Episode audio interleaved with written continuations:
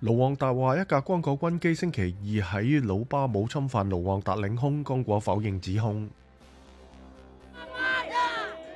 几百名南非主要反对党民主联盟嘅支持者星期三喺约翰内斯堡抗议能源危机导致南非创纪录嘅停电。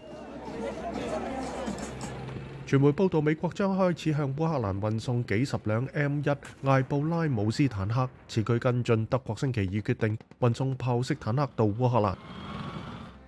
以色列军话星期三喺约旦河西岸击毙一名企图刺伤以军士兵嘅二十岁巴勒斯坦男子。路透社报道话，并冇以色列人伤亡。美国特勤局嘅新报告话，从二零一六年到二零二零年，美国发生嘅大规模袭击当中，有一半系由个人、家庭或者工作场所纠纷引起。